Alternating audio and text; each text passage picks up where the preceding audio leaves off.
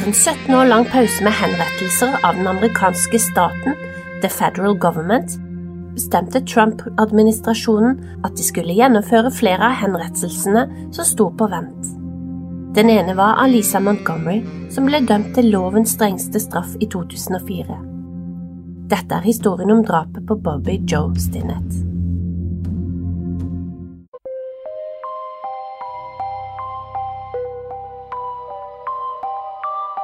Sett deg godt til rette med noe godt i koppen, og bli med oss inn i denne ukas krimhistorie.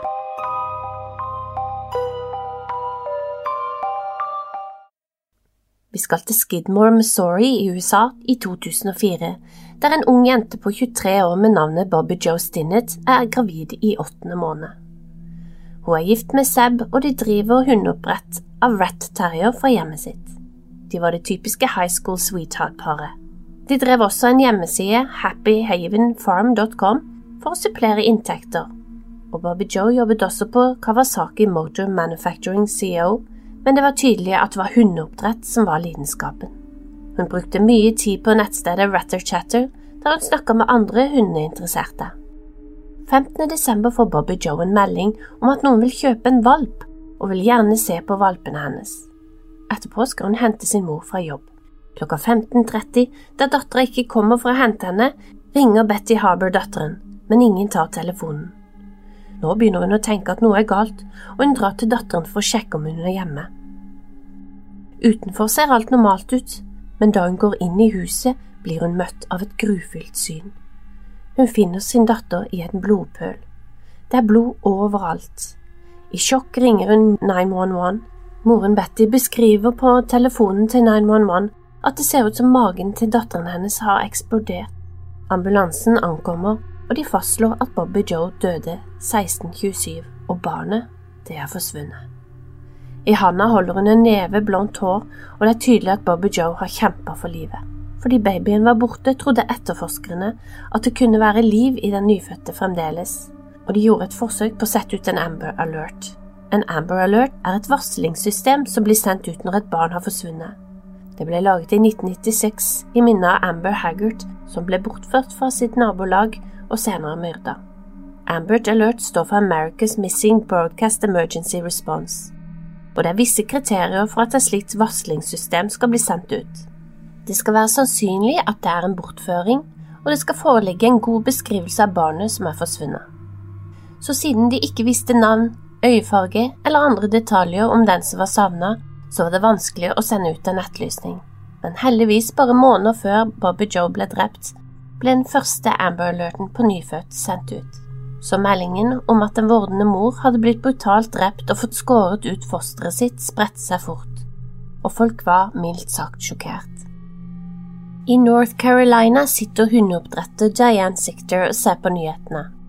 Hun har snakket masse med Bobby Joe på Ratterchatter og kjenner henne igjen. Hun logger seg inn på forumet og ser om hun kan spotte noe som kan hjelpe. Hun går igjennom alle meldinger sendt frem og tilbake, og ser meldingen fra Bobby Joe og Darlene Fisher. Hun ser at de to har avtalt et møte 15. desember, og kontonavnet hennes gir henne grøsninger. Fisher for Kids. Så Diane ringer FBI. I mellomtiden blir nabo spurt ut, og en nabo sier at hun har sett en gammel rød bil i oppkjørselen som hun aldri hadde sett der før. Det virker som denne Darlene Fisher har vært der. Etterforskerne begynner å gå gjennom meldinger, og oppdager at Fisher har sendt en melding til Bobby Joe. I was recommended to you by Jason Dawson and have been unable to reach you by either phone or email. Please get in touch with me soon as we consider the purchase of one of your puppies and would like to ask you a few questions. Bobby Joe svarer Darlene. Darlene, I emailed you with directions so we can meet. I do hope that the email reaches you. Great chatting with you on Messenger, and I do look forward to chatting with you tomorrow AM. Thanks. Talk to you soon, Darlene. Have a great evening. Bobby. Etter at mannen Seb gikk på jobb, dukket Darlene Fisher opp som avtalt. Og FBI jakta nå på å finne kvinnen som mest sannsynligvis var den siste som hadde sett Bobby Joe i live. Men Darlene Fisher var ikke å finne. Hun eksisterte rett og slett ikke. FBI Forensic kunne likevel spore e-mailadressen, og den tok dem til Kevin Montgomery i Kansas. Kevin, som var gift med Lisa Montgomery, var ikke ukjent for Bobby Joe eller de andre i hundemiljøet. I 2004 møttes nemlig flere på et hundeshow. Bildet viser både Lisa og Bobby Joe og noen andre på hundeutstillingen. Begge annonserte på nettsiden sin graviditet og chatta stadig om oppturer og nedturer om graviditeten. Lisa fortalte at hun skulle ha tvillinger, men at den ene døde, så var kun ett av barna som skulle bli båret frem. Lisa fortalte også de andre at hun hadde starta fødselen da hun var på en handletur i Topeka, og at hun ble fraktet til et kvinnesenter der hun fødte en liten, men velskapt jentebaby. Hun ringte mannen, og han og deres to tenåringsbarn kom for å hente henne. FBI drar til huset til Montgomery, og der venter og håper de på at en rød Toyota vil dukke opp. Og ganske riktig kjører en gammel rød Toyota, akkurat som beskrevet av naboen til Bobby Joe. Ut av bilen kommer Kevin og Lisa med en nyfødt baby. Politiet begynner å spørre Lisa ut, og hun forteller den samme historien om at hun er født i et kvinnesenter i Topeka. FBI forteller henne at det ikke har vært noen fødsler på dette kvinnesenteret den dagen, og da bryter Lisa sammen og tilstår. Lisa Montgomery hadde sent i 2004 snubla over Bobby Joe sin hjemmeside, og hun ble aktiv i Ratterchatter og på hundeshow. Da Bobby Joe annonserte at hun var gravid, gjorde Lisa det samme.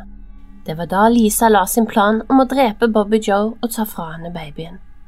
Hun fikk mailadressen til Bobby Joe gjennom en annen på forumet, og fra nå av var hun Darlene Fisher. Hun avtalte å komme ned for å se på valpene til Bobby Joe, og dro i sin falleferdige røde Toyota til Skidmore. Rett før Bobby Joe ventet besøk, ringte hun sin mor Becky og ble avbrutt av ringeklokka.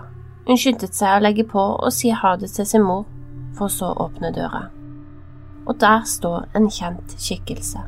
Darlene Fisher, eller Lisa Montgomery. Lisa baner vei og går løs på høygravide Bobby Joe.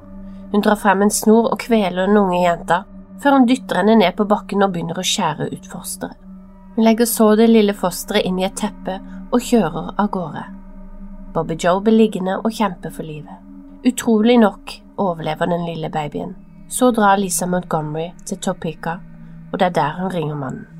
Mannen Kevin er i sjokk. Han påstår at han ikke ante noe om at Lisa hadde faket graviditeten.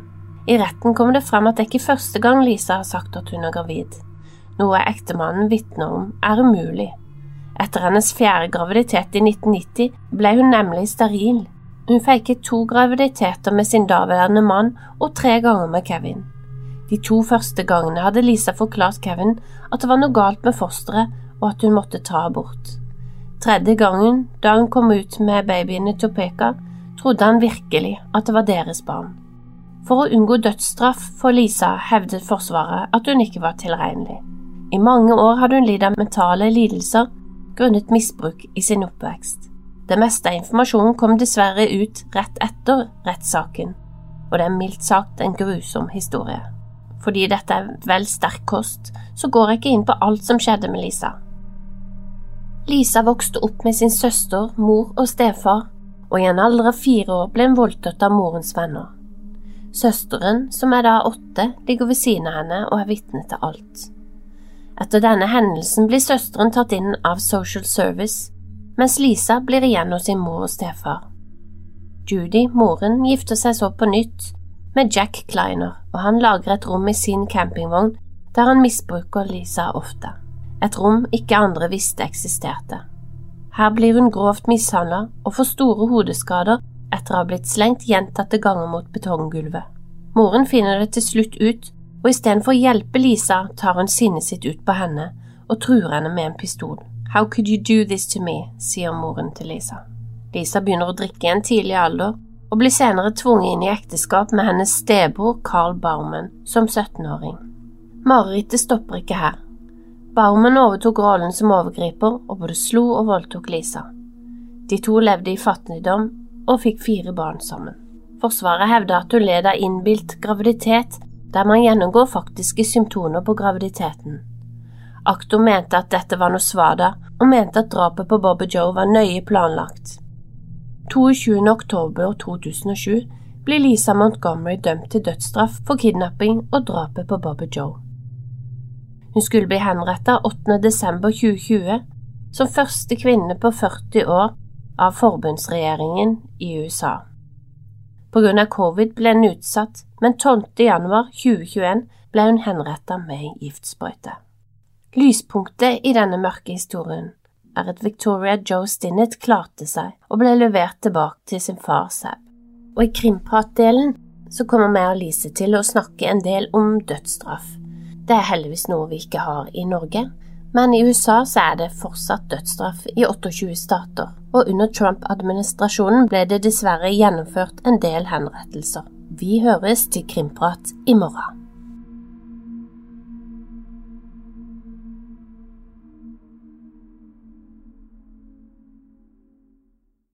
Har du et enkeltpersonforetak eller en liten bedrift? Da er du sikkert lei av å høre meg snakke om hvor enkelt det er med kvitteringer og bilag i fiken, så vi eh, gir oss her, vi.